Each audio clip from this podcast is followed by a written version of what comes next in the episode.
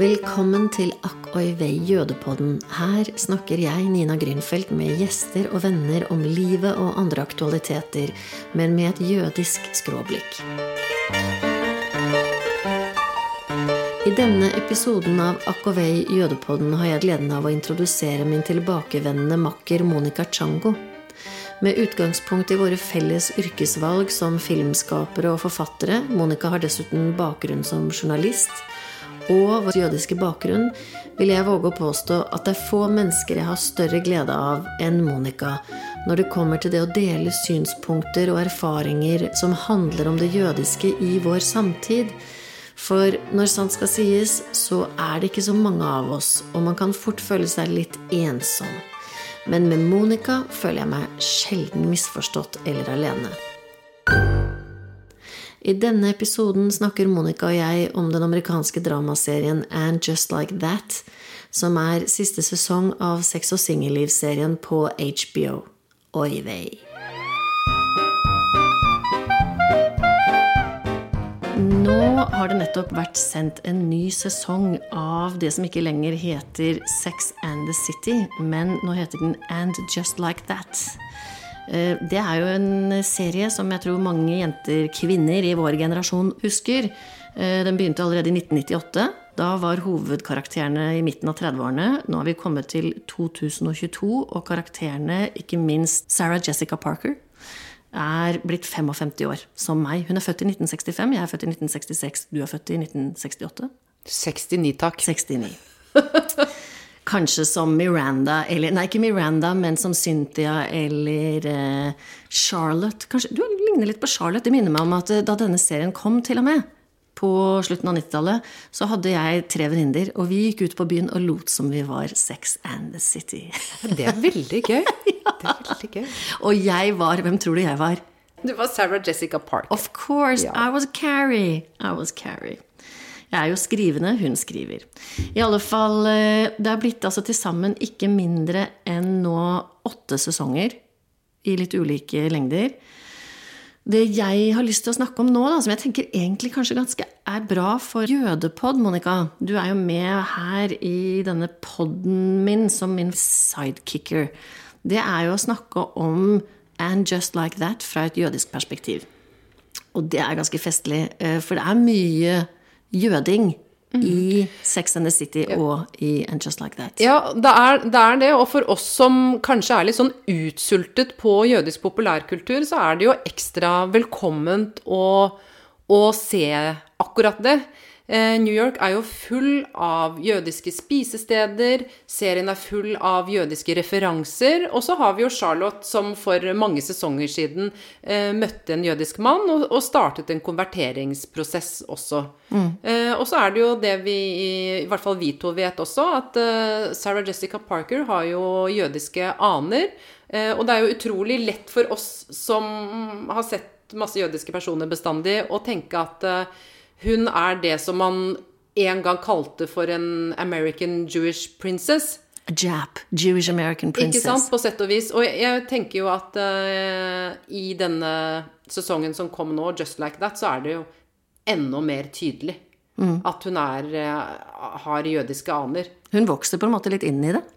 Ja, og så har jo du også lest litt om henne i det siste, og hvor hun snakker eh, mye mer om jødiskheten sin. Stemmer ikke det, Nina? Jo, jeg leste nettopp et intervju hvor hun er ganske tydelig på at hun er oppvokst veldig sekulært. Hun, er, hun har en jødisk far, men ikke en jødisk mor. Men de pleide ofte å reise til New York og hilse på hennes fars familie. Og ettersom hun da etter hvert ble gift med denne Matthew Broderick, som også har jødisk bakgrunn, det var faktisk nytt for meg, han ser jo ikke spesielt jødisk ut. Nei, I den grad noen ser jødisk ut. Nei, og vi kan si det. Bare vi. ja, bare, vi. ja. Ikke, ikke dere andre. Ikke dere andre, det er vårt privilegium. Så, men de inngikk visstnok en avtale om at eh, da de fikk barn, så skulle de bli oppdratt litt mer religiøst enn de selv hadde blitt. Så det er nok noe som drar i henne.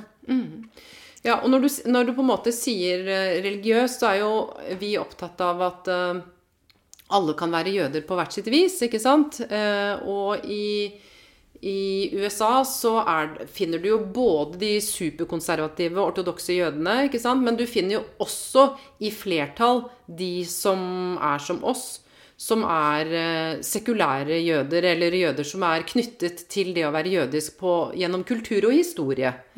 Så jeg må jo si at eh, det å se spesielt siste episoden av Just Like That, hvor du ser da en jødisk konfirmasjon. Altså det som heter bat mitzvah hvis du er jente, bar mitzvah hvis du er gutt. Men eh, nå Her blir det til they mitzvah, fordi dette er jo blitt en veldig politisk korrekt sesong. Det har det. Det har det, og det, det hadde jeg enormt sansen for. fordi at i idet på en måte serien begynte, så fikk den jo en del kritikk for at de skulle liksom favne over alt og være så politisk korrekte. Men så syns jeg at uh, det på en måte vokste seg inn i det de hadde lyst til. Eh, så det gikk fra å være superpolitisk korrekt til å være ganske rett, hvis det går an å si det på den måten. Eh, og så syns jeg det var veldig rørende å se bl.a. ting som vi aldri ser her i Norge. Bl.a. kvinner med kalott, altså en kippah kippa. på hodet, på they mitzvah. Fordi en av plottlinjene er jo at Charlottes datter, Rock, velger, eller ikke er Ikke lenger definerer seg som binær, men såkalt ikke-binær. Og da også får I siste episode Altså, siste episode blir jo en slags avrunding av det hele som faktisk er Den er kanskje den mest jødiske episoden i hele sesongen. 100% Og jeg følger på sosiale medier så følger jeg bl.a.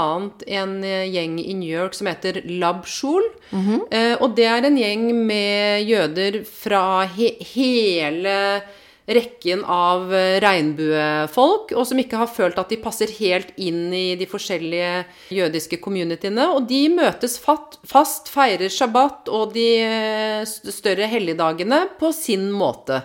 Så jeg tenker at eh, en gang jeg drar til New York, så hadde jeg tenkt at det er utrolig spennende å dra og besøke dem og se hvordan de gjør det. For det er en sånn ting som vi som norske jøder aldri har sett. Men det er klart, altså, så vidt jeg vet, så har jo denne nye sesongen ikke fått sånn supergod mottagelse av kritikerne. Og man kan jo kanskje tenke at den er litt feig, at den er litt woke, vil jeg nok kanskje kunne påstå. Altså at den er politisk korrekt så til de grader at den blir litt tannløs. Men det som den for meg som gjør at den ikke er tannløs for meg, da, er jo og Det sier kanskje mer om meg og oss egentlig enn om serien, fordi den tilfredsstiller et slags sånn sug etter å se nettopp det jødiske i det type formatet. Det er klart at eh, hvis den virkelig liksom skulle tatt dramatikken ut, så ville relasjonene vært enda mer edgy. De forsones jo hele tiden, og de er veldig nøye nå på at eh, karakterer som har forsvunnet ut, blir erstattet av kvinner som er eh, latinamerikanske. Altså du har Che, som er en blanding av irsk og meksikansk. Du har hun eh, Sema, som er indisk, denne eiendomsmegleren. Eh, Du har Naya, den svarte professoren som dukker opp. Sånn at eh, de sørger hele tiden for å holde seg innenfor, hvilket jeg tenker på mange måter er veldig bra. Men konfliktene blir aldri ordentlig vonde. Nei, det gjør det ikke. Og hadde dette her vært en, eh, en tradisjonell jødisk setup og relasjoner, så hadde det vært veldig mye mer rabalder. Eh, og da kan det gå mange år før man blir eh, venner igjen. Så jeg vil jo si at eh, i nesten alle jødiske miljøer jeg kjenner, så er det sånn, så går det en kule varmt. Eh, og noen ganger så finner man tilbake til hverandre, men andre ganger overhodet ikke, altså. Jeg kjenner til en del sånne relasjoner i ikke-jødiske miljøer òg, når sant skal sies. Jeg tror det er veldig human mensch. Ja. Det er det det er å være mensch, som man sier på jiddisch. Mm, det menneskelige. Menneskelig, ja. Ja. Men eh, nei, den er veldig interessant, tenker jeg, den siste episoden. Blant annet så velger de jo da for å imøtekomme Rock, altså datteren til Charlotte, som ikke lenger nødvendigvis er en datter, så får de en trans-rabbi Ja. som heter Jen, ja. og som er spilt av en Hva var det jeg leste? Nei, altså, da ble jeg så glad. En jødisk Ja, det virket sånn. Ja. Det virket sånn.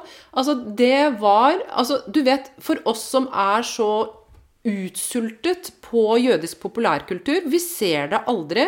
Altså, det å se denne fantastiske rabbinerkarakteren bare eie rollen og tilstedeværelsen på den måten, det var altså så Ja, det var hjertevarmende og utrolig gøy. Og så, og så var det på sett og vis, da, for um, eh, Hva het den serien som gikk Jo, den som het Transparent.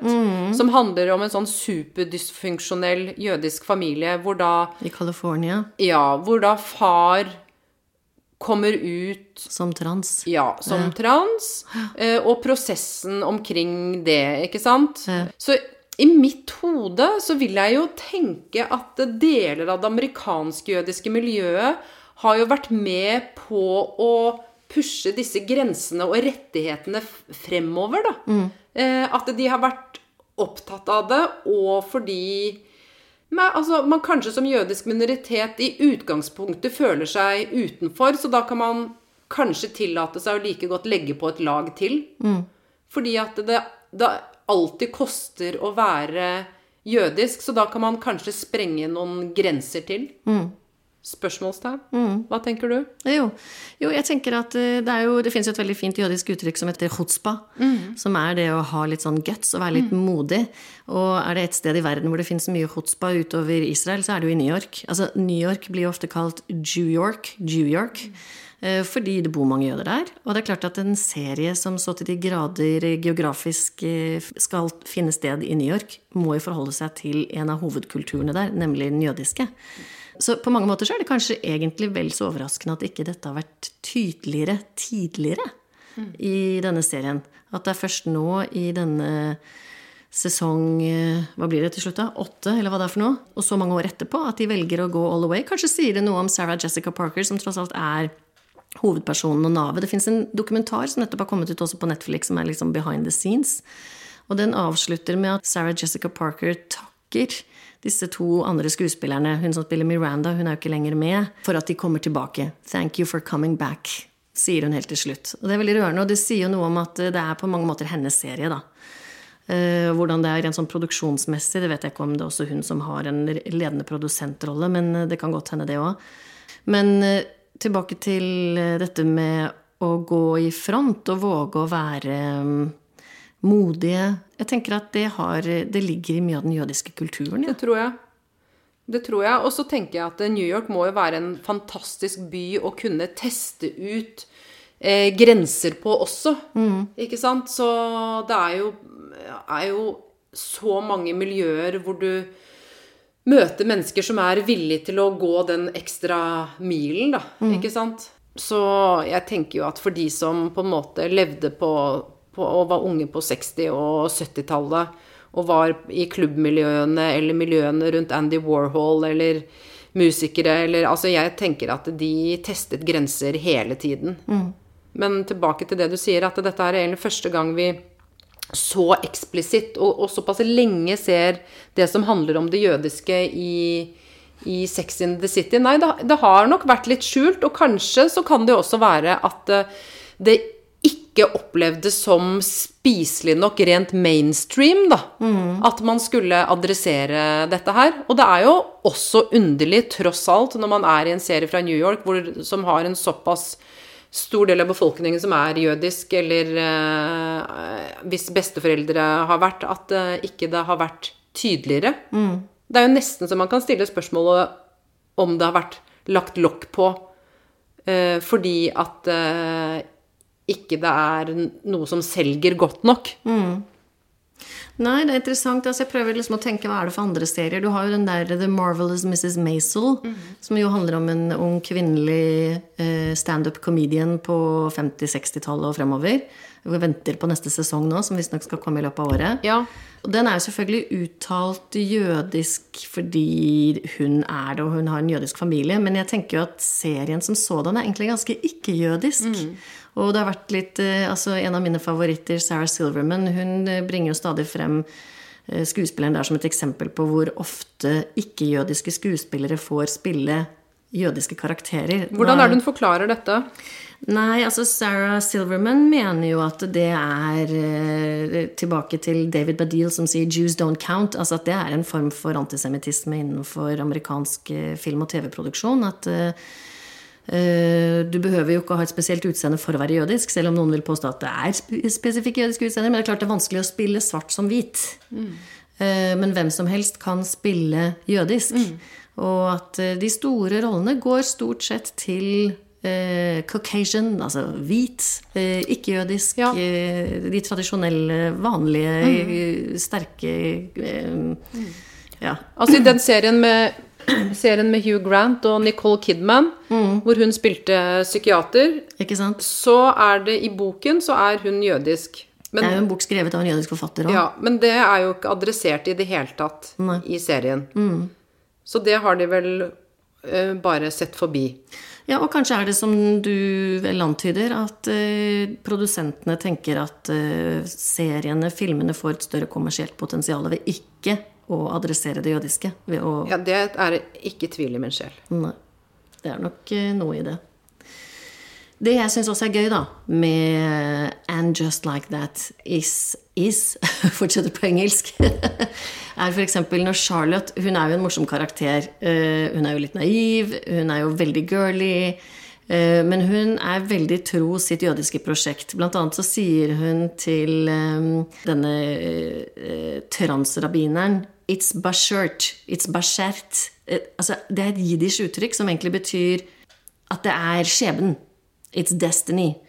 Hun kommenterer da noe som er meant to be. Poenget mitt er at med mindre man da kan disse uttrykkene, dette var et nytt uttrykk for meg, så er Helt det jo nytt for meg også. Det er derfor jeg er så stille nå. Det er derfor jeg, det er derfor jeg venter på Nå venter jeg på hva som kommer. Nå er jeg spent. Det er helt nytt for meg òg. Nei, altså jeg tenker bare at det, fordi Der stoppet jeg nemlig opp og så tenkte jeg, hvordan er det da med alle andre som ikke vet hva en bar mitzvah, bat mitzvah Mm. er, når hun sier day mitzvah? Ikke sant? Får de, hvor, I hvor stor grad får norsk publikum med seg alt dette? Blir det, Og kanskje er det tilbake til hvorfor man velger å ikke plukke opp det Ja. spesifikt jødiske? Fordi man er redd for å miste seere? Nei, jeg tenker jo at det Jeg tenker at eh, det er ganske sært for eh, en norsk seer.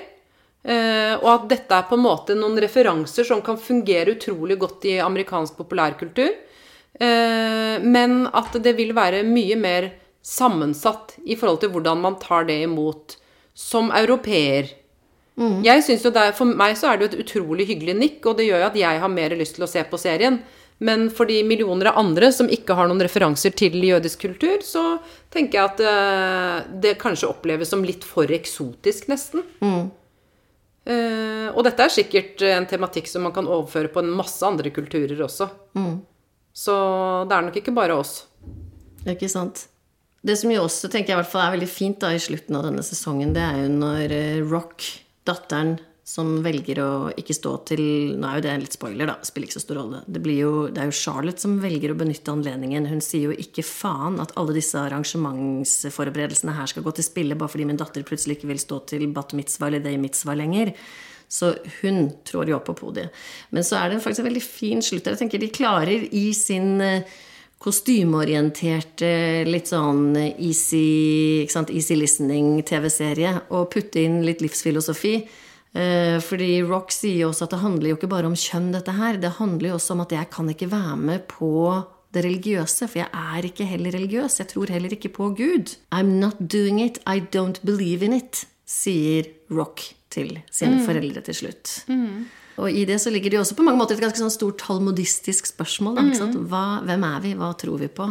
Det er jo utrolig, det er en utrolig moden tenåring som snakker, og jo adresserer på en måte evig og universelle problem, som jo er en, en, en veldig vanlig ting i den jødiske åndelige og religiøse diskursen, vil jeg si, da. Ikke sant? Så dette er jo de, de aller største spørsmålene som blir brakt inn i serien, og veldig fint eh, påpekt, Nina, at eh, det, de ordene ble puttet i munnen på, på Rock. På neste generasjon? På neste generasjon, ja. Ja. Det er jo noe litt interessant som skjer i episode seks, tror jeg det er. Ja. Som av alle ting faktisk ble sendt eh, på Netflix 27. januar, som jo er den internasjonale holocaustdagen. Dette har det vært skrevet litt om i israelske aviser, har jeg klart å lete meg fram til på nettet. Og det er jo når denne homofile vennen til jentene, Anthony, spilt av Mario Cantone, har eh, Det er han som har bakeriet. Han har bakeriet, ikke Med sant? disse flotte gutta. Ja, nettopp. Og de skal jo bake halle, altså brød- Flettebrød. flettebrød som vi har på shabbos, til på fredag kveld. Og så kommer han på besøk til Charlotte, og så har han med seg en date som heter Justin. Og i den episoden så sier da Justin til Charlotte og hennes jødiske mann at eh, vi, er, vi vet vel alle at holocaust er bare var en, et påhitt. Ja. At det ikke er sant. Nei, så de, de får jo også puttet inn et segment med hvor de gir et realt spark til konspirasjonsteoretikere. Og det, den var veldig saftig, den, altså. eh, og den syns jeg var eh, skrevet og regissert enormt bra. For det ene er jo da han stakkars vennen som aldri finner seg en, en kjæreste. Når han endelig gjør det, så er det han konspirasjonsteoretiker. og det er jo på en måte det aller verste du kan eh, bringe inn i en samtale hos en eh, jødisk familie. Ja. Men den var skikkelig Altså, jeg fikk skikkelig sånn derre What? jeg òg. Og så plutselig så var det et slags tidsklipp, og så var han borte. Ja. Så da hadde han blitt kastet ut. Ja, fordi at jeg var, satt og var nysgjerrig på hva, skjer skjer nå? nå? Ja. Ja, Så den, den var mesterlig produsert. Er du ikke enig? Nei, men jeg, altså, jeg syns de hoppet litt for lett over det. Ja, jeg tenkte, det? kan de klare å innføre en så eh, et sånt slag i solar plexus, og så bare klippe det rett ut. Du kan si det er veldig effektivt fortalt, da. Det var, kanskje jeg liksom savnet noen større reaksjonsbilder, eller ja, kanskje jeg skal se episoden om igjen. Kanskje det egentlig var godt gjort.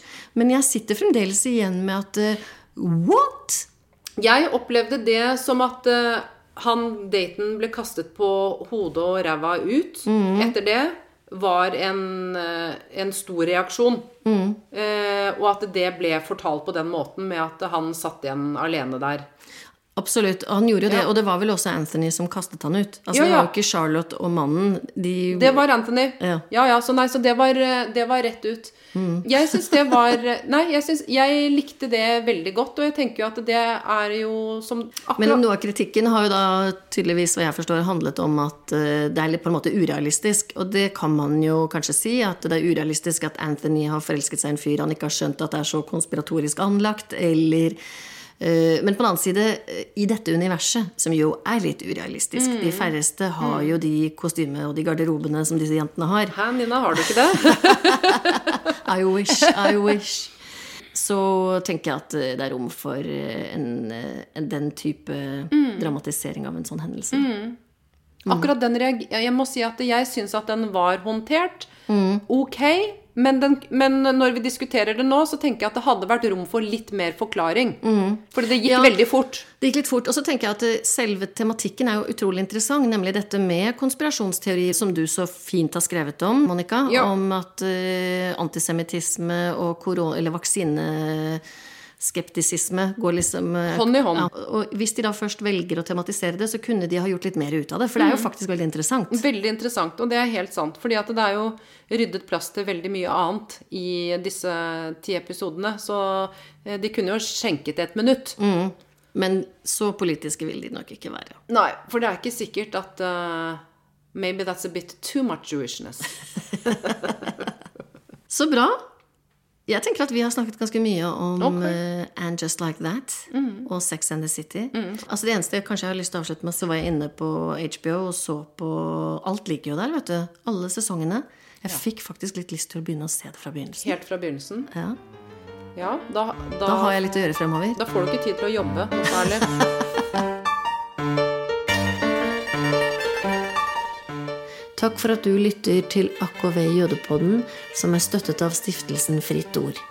Musikken er laget av Jens Wendelboe.